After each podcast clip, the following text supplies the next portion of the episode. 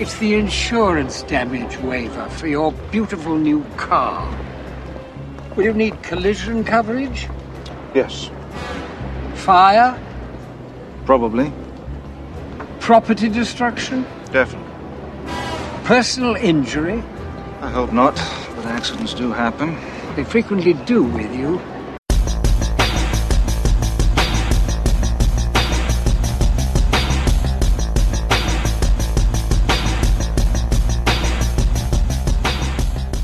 Velkommen i kassen med David Bjerre, så har vi fat i den 18. James Bond film Tomorrow Never Dies fra 1997. Gentlemen and ladies, hold the presses. This just in. By a curious quirk of fate, we have the perfect story with which to launch our satellite news network tonight. It seems a small crisis is brewing in the South China Seas. I want full newspaper coverage. I want magazine stories. I want books. I want films. I want TV. I want radio. I want us on the air 24 hours a day. This is our moment. And a billion people around this planet will watch it, hear it, and read about it from the Carver Media Group. There's no news like bad news. Det her er jo som sagt den 18. James Bond film, men alligevel så føles det som den svære toer, om jeg så må sige, det her udtryk, man kender, den svære toer. Fordi det er den anden film med Pierce Brosnan, vi ligesom startede på en ny øh, ved forrige film, og den her film skal jo så også følge op på det, der var mesterværket GoldenEye, den, den bedste Bond-film indtil videre. Så ja, det er en stor opgave, den her film har foran sig, og hvordan løser man så sådan en opgave? Jamen, man starter naturligvis med en modbydelig bad guy. Ja, og øh, i Tomorrow Never Dies, der er denne her bad guy, mediemogulen Elliot Carver. Og allerede fra start får vi en smagsprøve på helt præcis, hvor modbydelig den her mand er.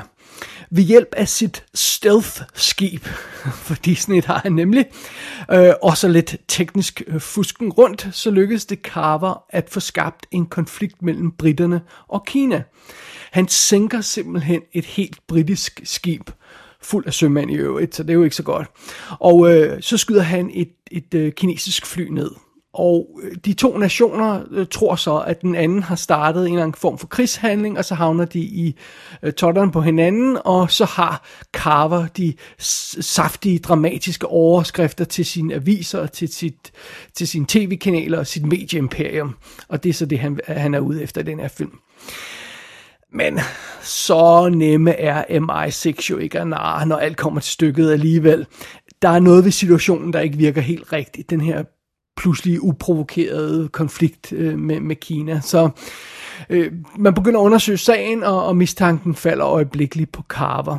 Og så er det simpelthen, at Bond han bliver sendt afsted for at undersøge den her mand, Carver, og, og bevise, at det er ham, der står bag den her krise. For en ting er jo mistanke, noget andet er at bevise konkret, hvem der er den skyldige. Og det er så det, Bond skal. Og han er jo ikke perfekt til den her opgave, James Bond, fordi han har et han har tidligere haft et forhold til Carvers nuværende kone. Og måske kan han sådan nudge nudge udnytte det faktum en lille smule undervejs, at, at han engang har, har, har gjort ting og sager ved den her kone. Uh, ja, det skal, jo, det skal jo blive spændende. Undervejs så støder Bond også ind i en kinesisk agent, som faktisk er sendt ud lidt på samme opgave, som han selv er. Undersøge den her øh, konflikt og finde ud af, hvad det er, der gav ham her Carver. Og øh, de to agenter, altså James Bond og den kinesiske agent, finder hurtigt ud af, at det er bedst, hvis de begynder at arbejde sammen, fordi så kan de stoppe den her mand lidt nemmere. Og det skal gå lidt hurtigt, det her samarbejde, fordi øh, den her mand, Carver, han er allerede i gang med at planlægge næste krigshandling, som skal få, det, som, ja, som skal få situationen til at eskalere og give ham flere overskrifter til sine aviser. Så det er, det er simpelthen plottet i Tomorrow Never Dies, der jo stjæler sin titel fra en af øh, Carvers aviser, Tomorrow. Så det er det. Og hvad er det så egentlig, det her er for en af James Bond-filmene? Jamen, det er jo simpelthen den James Bond-film, hvor han snakker dansk. Ja, det er rigtigt.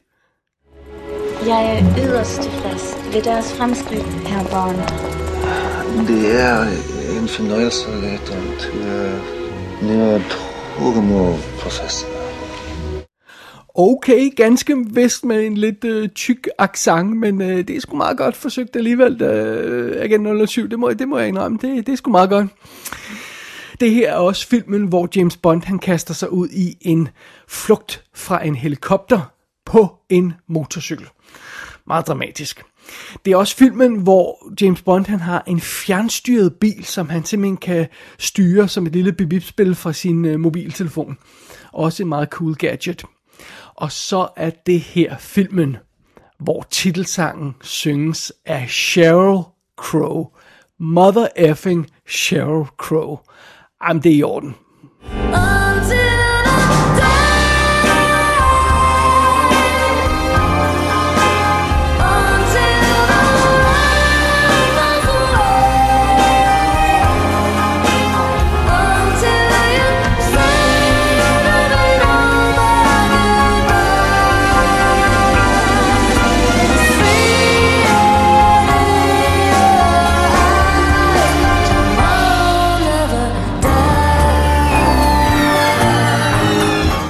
Jeg elsker Sheryl Crow, hvis man skulle være i tvivl. Så det er en af mine favorit titelsange, det her.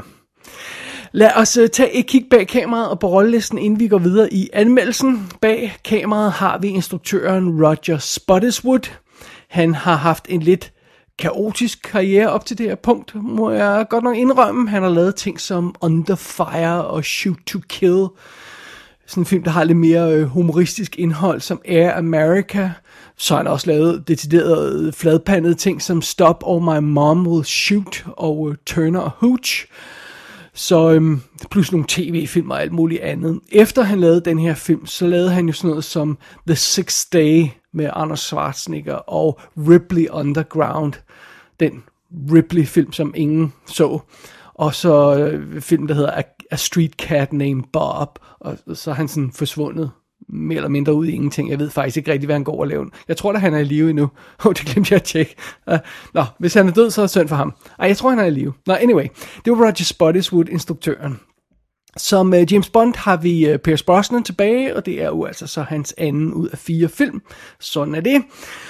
Og som bad guyen Elliot Carver, der har vi Jonathan Price, som de fleste filmgeeks jo nok kender fra Brazil, hvor han spillede hovedrollen i. Han var med i Glengarry Glen Ross, som den fyr, som Al Pacino forsøger at sælge ejendom til, eller hvad det er, han sælger. Og øh, så er han jo også med i sådan noget fint noget som Carrington og alt muligt andet halløj. Så øh, Jonathan Price er en af de klassiske britiske skuespillere, så det er jo, det er jo meget fint. Som øh, den øh, kinesiske agent, øh, som, som Bond arbejder sammen med undervejs, Mail, øh, Wei Ling hedder hun, der har vi Michelle Yeoh, som jo på det her tidspunkt har lavet tonsvis af Hongkong. Øh, hun, er, hun er fra Malaysia øh, oprindeligt, øh, Malaysia, men hun, er, men hun er, arbejder i Hongkong filmindustrien jo normalt, selvom hun er, bliver bare kaldt kineser her.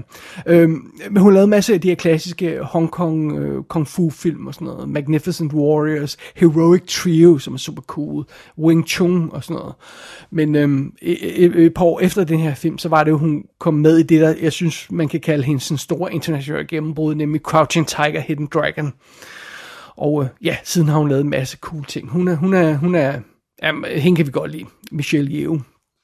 Så ellers på rollelisten har vi Terry Hatcher som Paris Carver, der altså er øh, øh Elliot Carvers kone og Bonds tidligere crush.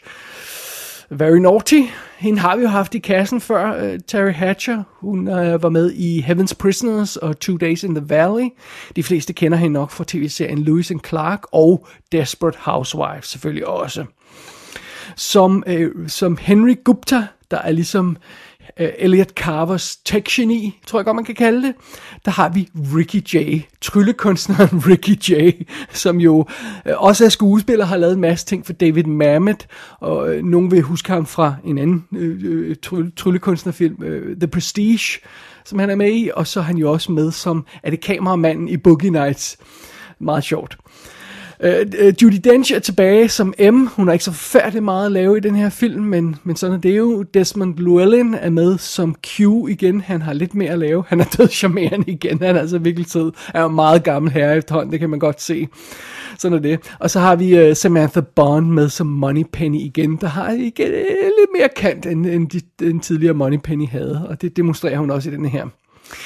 Så får vi et par andre folk øh, øh, behind the scenes, eller i hvert fald en anden gut, som vi kommer til at møde igen. Vi har Colin Salmon som Charles Robinson, der er en af de faste sådan, folk, der render rundt der bag kulisserne med M og, og, og 007. Vi, vi får lov til at se ham igen i The World Is Not Enough og uh, Die Another Day. Og Øh, folk kan måske også huske ham fra, som teamlederen i Resident Evil, den første Resident Evil film. Men han har været med i tonsvis af britiske ting. Øh, meget charmerende gut. Som Admiral Roebuck, der har vi Jeffrey Palmer, også en klassisk britisk skuespiller, man har set tonsvis af ting. Og det er selvfølgelig meget sjovt, fordi at han har jo simpelthen lavet tv-serien As Time Goes By sammen med Judy Dench i øh, ja, 13 år eller hvor meget det er, øh, 12 år, jeg kan huske meget, øh, øh meget lang tid har de lavet den tv-serie sammen, hvor de spiller et, et, øh, et giftpar, så vidt jeg husker. Så har vi Julian Fellows som The Minister of Defense. Han har jo et par enkelte skuespillerpræstationer på sit CV, men de fleste kender ham nok som øh, skaberen af tv-serien Downton Abbey.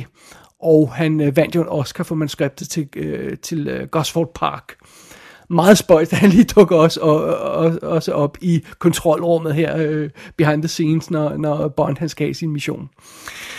Så øh, har vi et par andre folk på rollelisten, vi har mødt før også. Øh, vi har Joe Don Baker, som, som er tilbage som Wade, CIA-agenten Jack Wade, som vi møder for anden og sidste gang. Det er næsten kun en cameo, han er med i her. Men, øh, men det, er jo, det er jo fint nok. Og ellers er der øh, hav af andre kendte ansigter på rollelisten.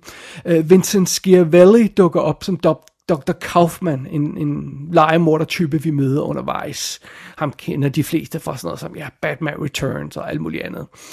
Cecilie Thompson øh, dukker op som den øh, model, øh, altså den professor, der, der, der øh, med det, øh, underviser Bond i dansk. Øh, det er jo ikke øh, det store bidrag, hun yder til filmen, men det er en hilarious scene, at hun skal lære ham at snakke dansk, mens de ligger rundt i en seng. Meget cool. Så har vi Götz Otto som stamper, der er øh, hvad hedder det, Ellie Carvers uh, right-hand man, som sådan den her typiske øh, hvidfar, hvidhårede øh, øh, henchman.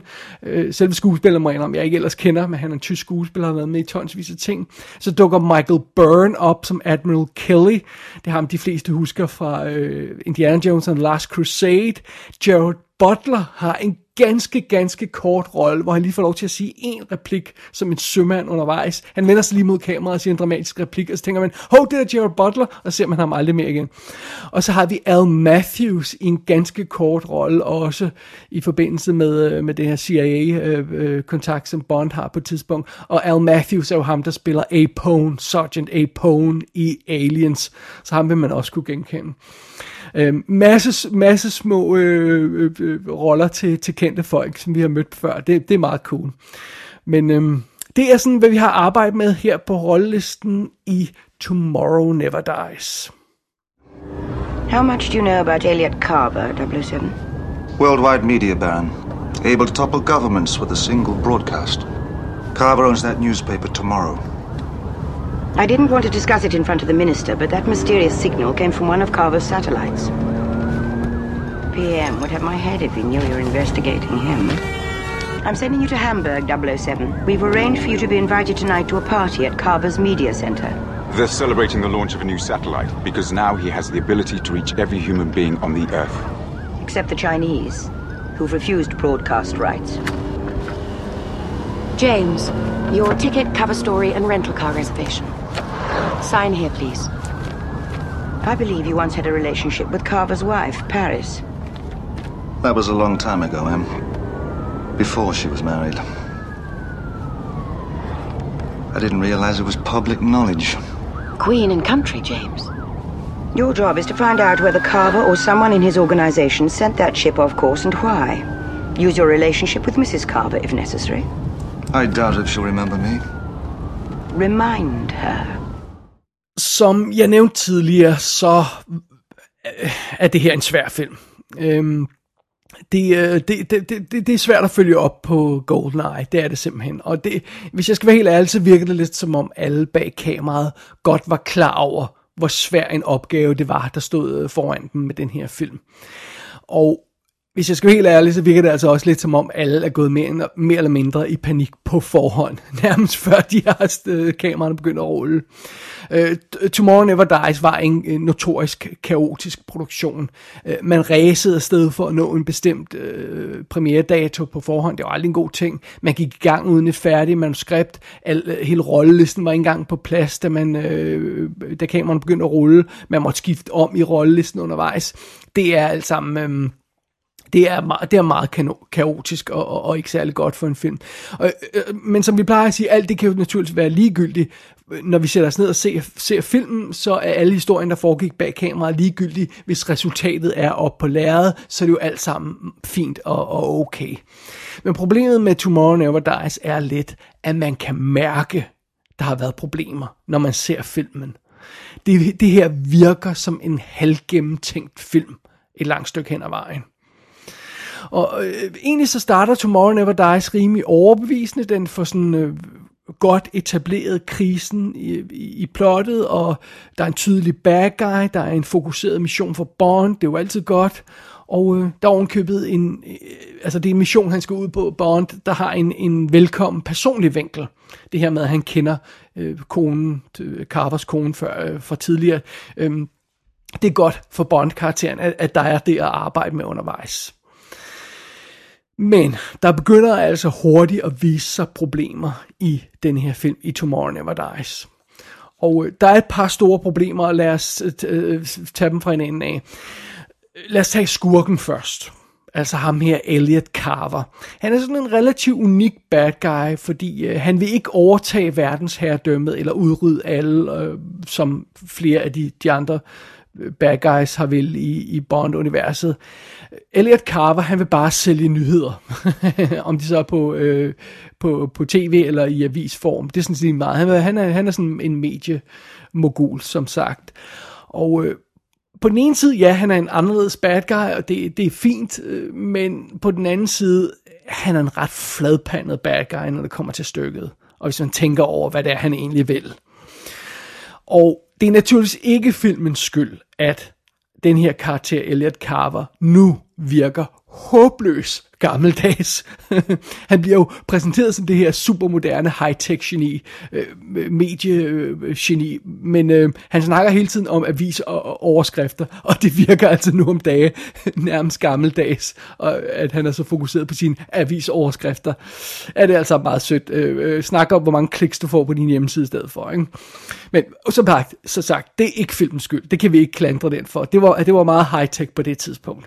Nej, det der er filmens skyld derimod, derimod, det er, at Elliot Carver virker skingrende sindssyg. Altså han virker vidderligere, som om han har mentale problemer, som om han er nuts.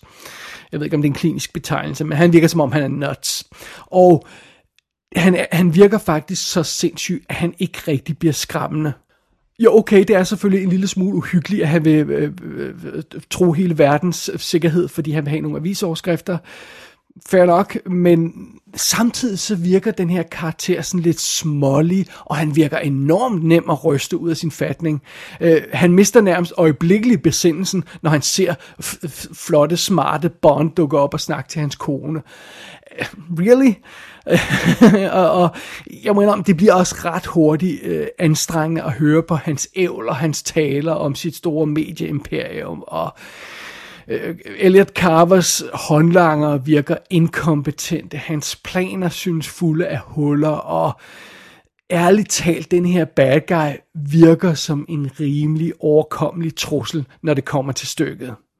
Og det er et stort minus for filmen. Det er det altså. En anden ting, der også viser sig at være et minus, det er øh, øh, den her personlige vinkel for Bond.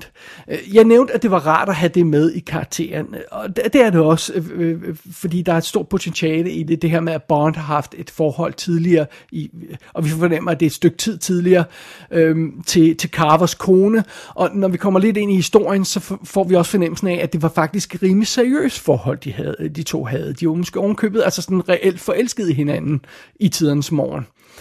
Så pludselig er der jo altså den her personlige, dybt personlige vinkel for Bond i hans mission.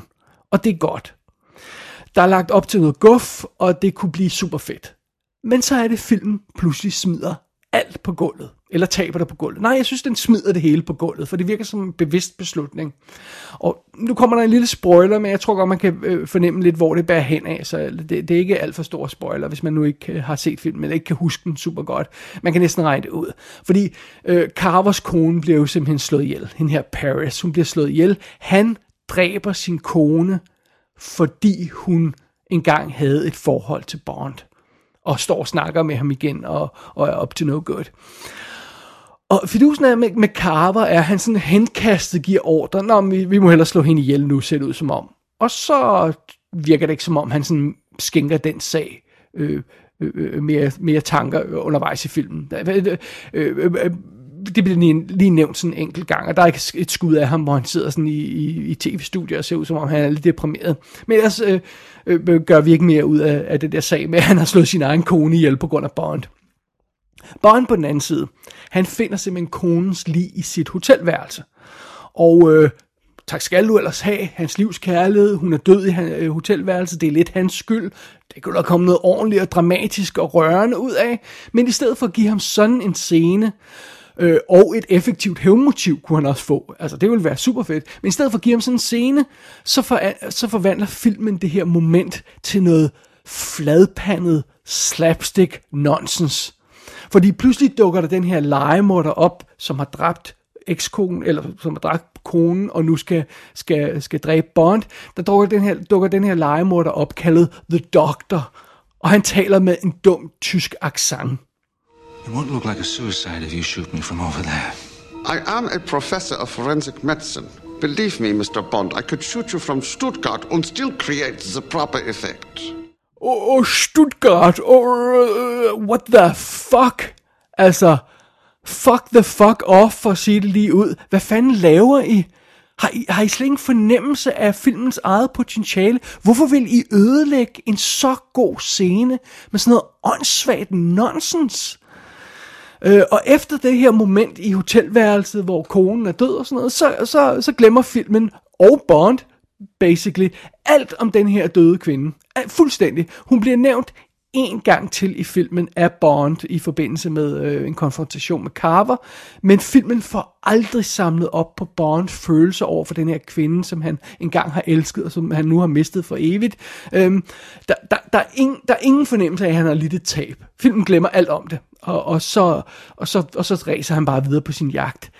Det føles vanvittigt ugennemtænkt, og det føles underligt ujævnt, fordi det ene øjeblik, der er det en vigtig situation for Bond, det næste øjeblik, så er det lige, ligegyldigt.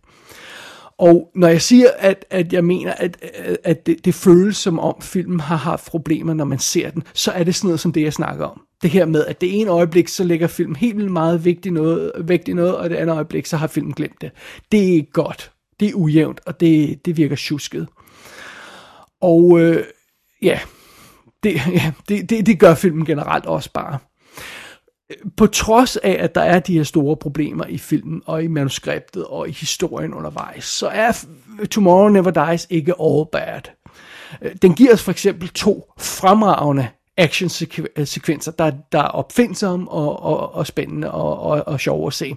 Den ene øh, sekvens er den her, hvor Bond han må stikke af for nogle bad guys ved at ligge på bagsædet øh, af sin bil, mens han styrer bilen fra mobiltelefonen. Fordi det har vi jo set tidligere, at man kan med den her bil, så han må ligge der i skjul og styre sin bil. Og det er en fræk og en sjov og en energisk action scene, som filmen får udnyttet maksimalt. Det er alt sammen cool. Det andet store højdepunkt actionmæssigt i den her film, af scenen, hvor Bond og den her kinesiske agent, spillet af Michelle Yeoh, øh, hvor de må stikke af sammen, mens de er, er linket sammen med håndjern. Så, øh, øh, og, og så der kommer den her helikopter og jager dem, og så stikker de af på en motorcykel. De to på motorcyklen, mens de er linket sammen med et håndjern. Og det er en super flot stuntsekvens. Øh, masser af, af virkelig cool stuntmomenter, og øh, scenen er fuld af rigtige nærbilleder, hvor Pierce Brosnan og Michelle Yeoh sidder på en rigtig motorcykel og racer afsted on location. Naturligvis på sådan en sikker stuntrig, som, som man ikke kan se øh, i kameraet, men altså, de er der. Det er ikke en, en, en, det er ikke en, en, en effektsekvens. De er on location og racer afsted, og det ser rigtigt ud. Det er super fedt lavet. Og de her to sekvenser, som jeg lige har nævnt her, de er fremragende. Øh, og, og virkelig gode actionsekvenser. Det, det er lige den slags, jeg gerne vil have ud af en Bond-film. Og det, det, det er smukt, og det er perfekt. Men, som så meget andet i den her film, så er actionscenerne også ujævne. Og, og, og, og det får vi demonstreret ved, at denne her vildt cool øh, motorcykel versus helikopter scene, den bliver fuldt op af et klodset forsøg på at udnytte Michelle Yeohs specifikke evner for kung fu. Så pludselig, midt i det hele, får vi sådan en Hong Kong kung fu øh, kamp, øh, hvor hun er op mod, øh, mod øh, øh, kinesiske bad guys, der øh, med de her klassiske hår, hår, hår, hår, der roer sådan, når de kæmper, sådan som man ikke vil gøre i en rigtig film, men som virker inden for en Hong Kong films rammer. Og den her scene, den klipper overhovedet ikke sammen med resten af filmen. det virker totalt, det virker totalt påtaget, at man pludselig skal have det med, fordi oh, nu har man lige opdaget, at Michelle Yeoh kan den slags, så skal vi have det ind i filmen. Det fungerer overhovedet ikke. Øh, og derudover, apropos de ujævne øh, øh actionscener i filmen, så slutter filmen også med sin absolut svageste actionscene, og det er det store showdown, det store finale på det her stealth-skib, som Carver har. Og der er adskillige problemer i den scene. Altså lad os bare nævne sådan noget som, at interiøret i det her skib, det virker otte gange større end skibet, når man ser det udefra. Det, det er en ting.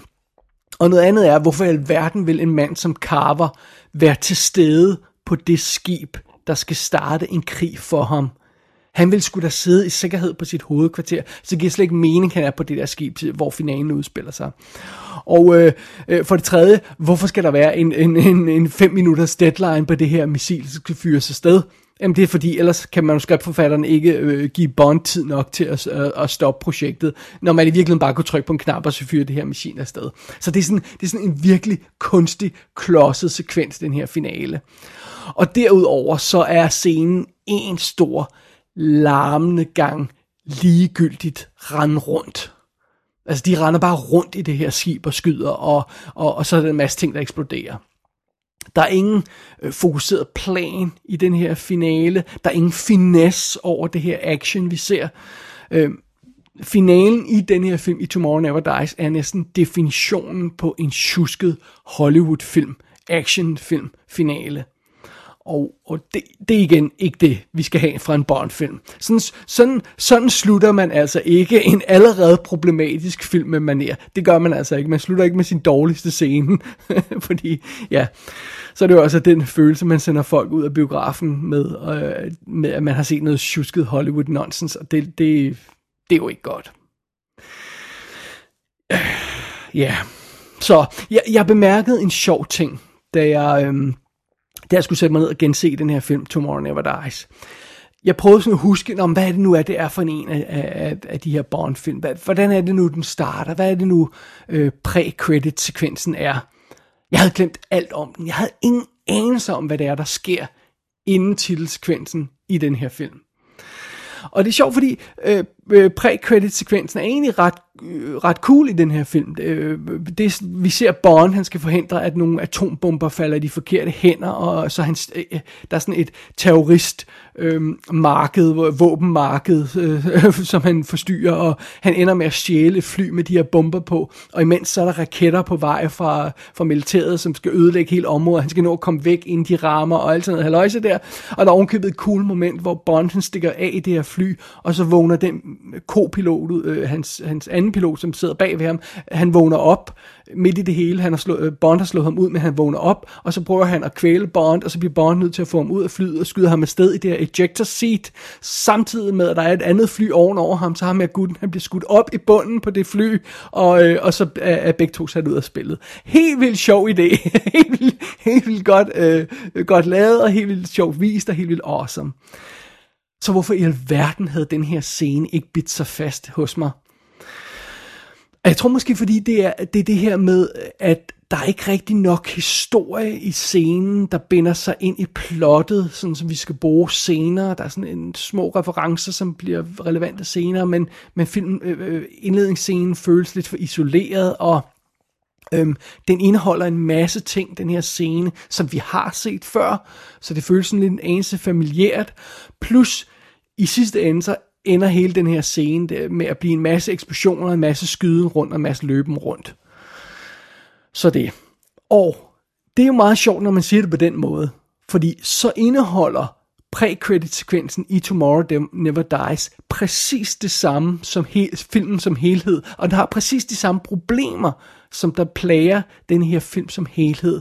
Det her med, der er ikke rigtig nok gods i historien. Vi føler lidt, at vi har set det hele før, og det ender med en masse skyden og rende rundt og eksplosioner. Og ja, hvis det er det, der overskriften på den her film på Tomorrow Never Dies, så er det jo ikke noget under, at den snubler hen over mållinjen. og, øh, og, og ja, det er desværre det, der sker for den her film. Og som jeg nævnte tidligere, der er gode ting på spil her. Det er der. Der er et par gode actionscener. Der er også nogle gode skuespillere i, og der er nogle sjove momenter i. Men kontrasten til GoldenEye er umulig at ignorere. Og øh, kontrasten er også grænsen til deprimerende, når man sådan sammenligner de her to film. De gjorde alt rigtigt i GoldenEye, de gør så mange ting forkert her. Uha. Altså, manuskriptet er ujævnt, dialogen i den her film er vanvittigt uskarp, og som sagt, hele produktionen virker forhastet og tjusket og, og, og, og, og andre dårlige ting. Selve historien her ender jo med at fremstå som et opkog af adskillige tidligere Bond-film. Og jeg ved godt, at Bond-filmene bruger de samme elementer lidt igen og igen. Nogle af dem kan godt minde lidt om hinanden. Men hvis, når musikken spiller, så skal man helst ikke opdage det. Det her, det er første gang, hvor jeg jeg decideret sidder med den her følelse af déjà vu hele tiden.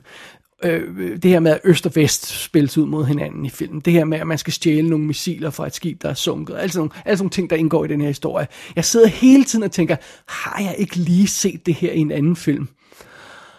Og det er altså ikke en følelse, man må, man, man må sidde med i, i sådan en James Bond-film, eller en hvilken som helst film for, øh, for den sags skyld. Man må ikke sidde med følelsen af, at man har set det hele før, og det gør man lidt i Tomorrow Never Dies.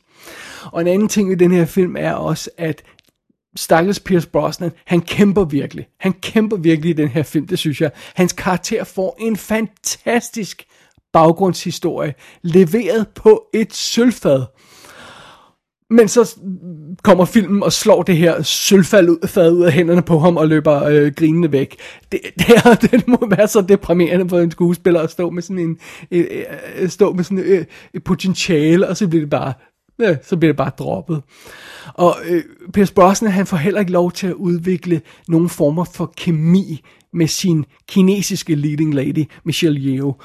Øh, hun er simpelthen ikke nok med i filmen til at starte med. De, de støder hele tiden på hinanden, de her to agenter, men så hun, dukker hun lige op der, hvor han er, og så stikker hun af igen, og så får han ikke gjort noget ved hende. Og, og så hjælper det jo heller ikke, at hun virker tota- totalt uinteresseret i Bond som, som sådan lækker fyr. altså, hun kunne ikke være mere ligeglad på det plan. Og, og det kan han ikke rigtig arbejde med, den her karakter, at, at The Leading Lady er, er mere eller mindre uinteresseret i ham, indtil hun skal være interesseret i ham til sidst, på, på sådan et klodset manier. Så det er ikke godt. Så stakkels, stakkels Pierce Brosnan, han, han, øh, han kæmper en hård kamp for, for at komme igennem den her film. Det gør han altså. Men når alt det er sagt, når, når al den kritik er fyret af, så vil jeg også godt indrømme en ting. Jeg har været meget sur på den her film tidligere, men ved gensynet, så var jeg ikke lige så vred. Og, og det, jeg føler, det er noget, jeg har sagt ved nogle af de andre Bond-film også, øh, så, så sådan er det jo. Men altså, øhm, det er en okay underholdende film, det her, Tomorrow Never Dies. Øhm, hvis den havde kommet midt i Sean Connerys serie af Bond-film, så havde den jo nærmest fremstået som et mesterværk. Men det gør den jo altså ikke. Den kommer efter den hidtil bedste Bond-film indtil videre, og det kan den her film simpelthen ikke konkurrere mod. Der er ikke noget at gøre. Så det er dommen over Tomorrow Never Dies. Øh, den kæmper en brav kamp, men øh, det er en kamp, der næsten er, er tabt på forhånd. Så, vi skal videre i serien. Der er ikke andet at gøre. Uh, onwards and upwards, eller hvad det er, man siger. Bond, han må tage sig sammen. Han må simpelthen se, om han ikke kan levere varen med den næste film. Og jeg ved godt, hvad spørgsmålet er på alles læber. Er næste film den der med den usynlige bil? Nej, nej, det er det desværre ikke. Den, øh, det må vi vente lidt mere med. Men øhm, den næste film her i Bond-serien er det tætteste, vi kommer på en Bond julefilm.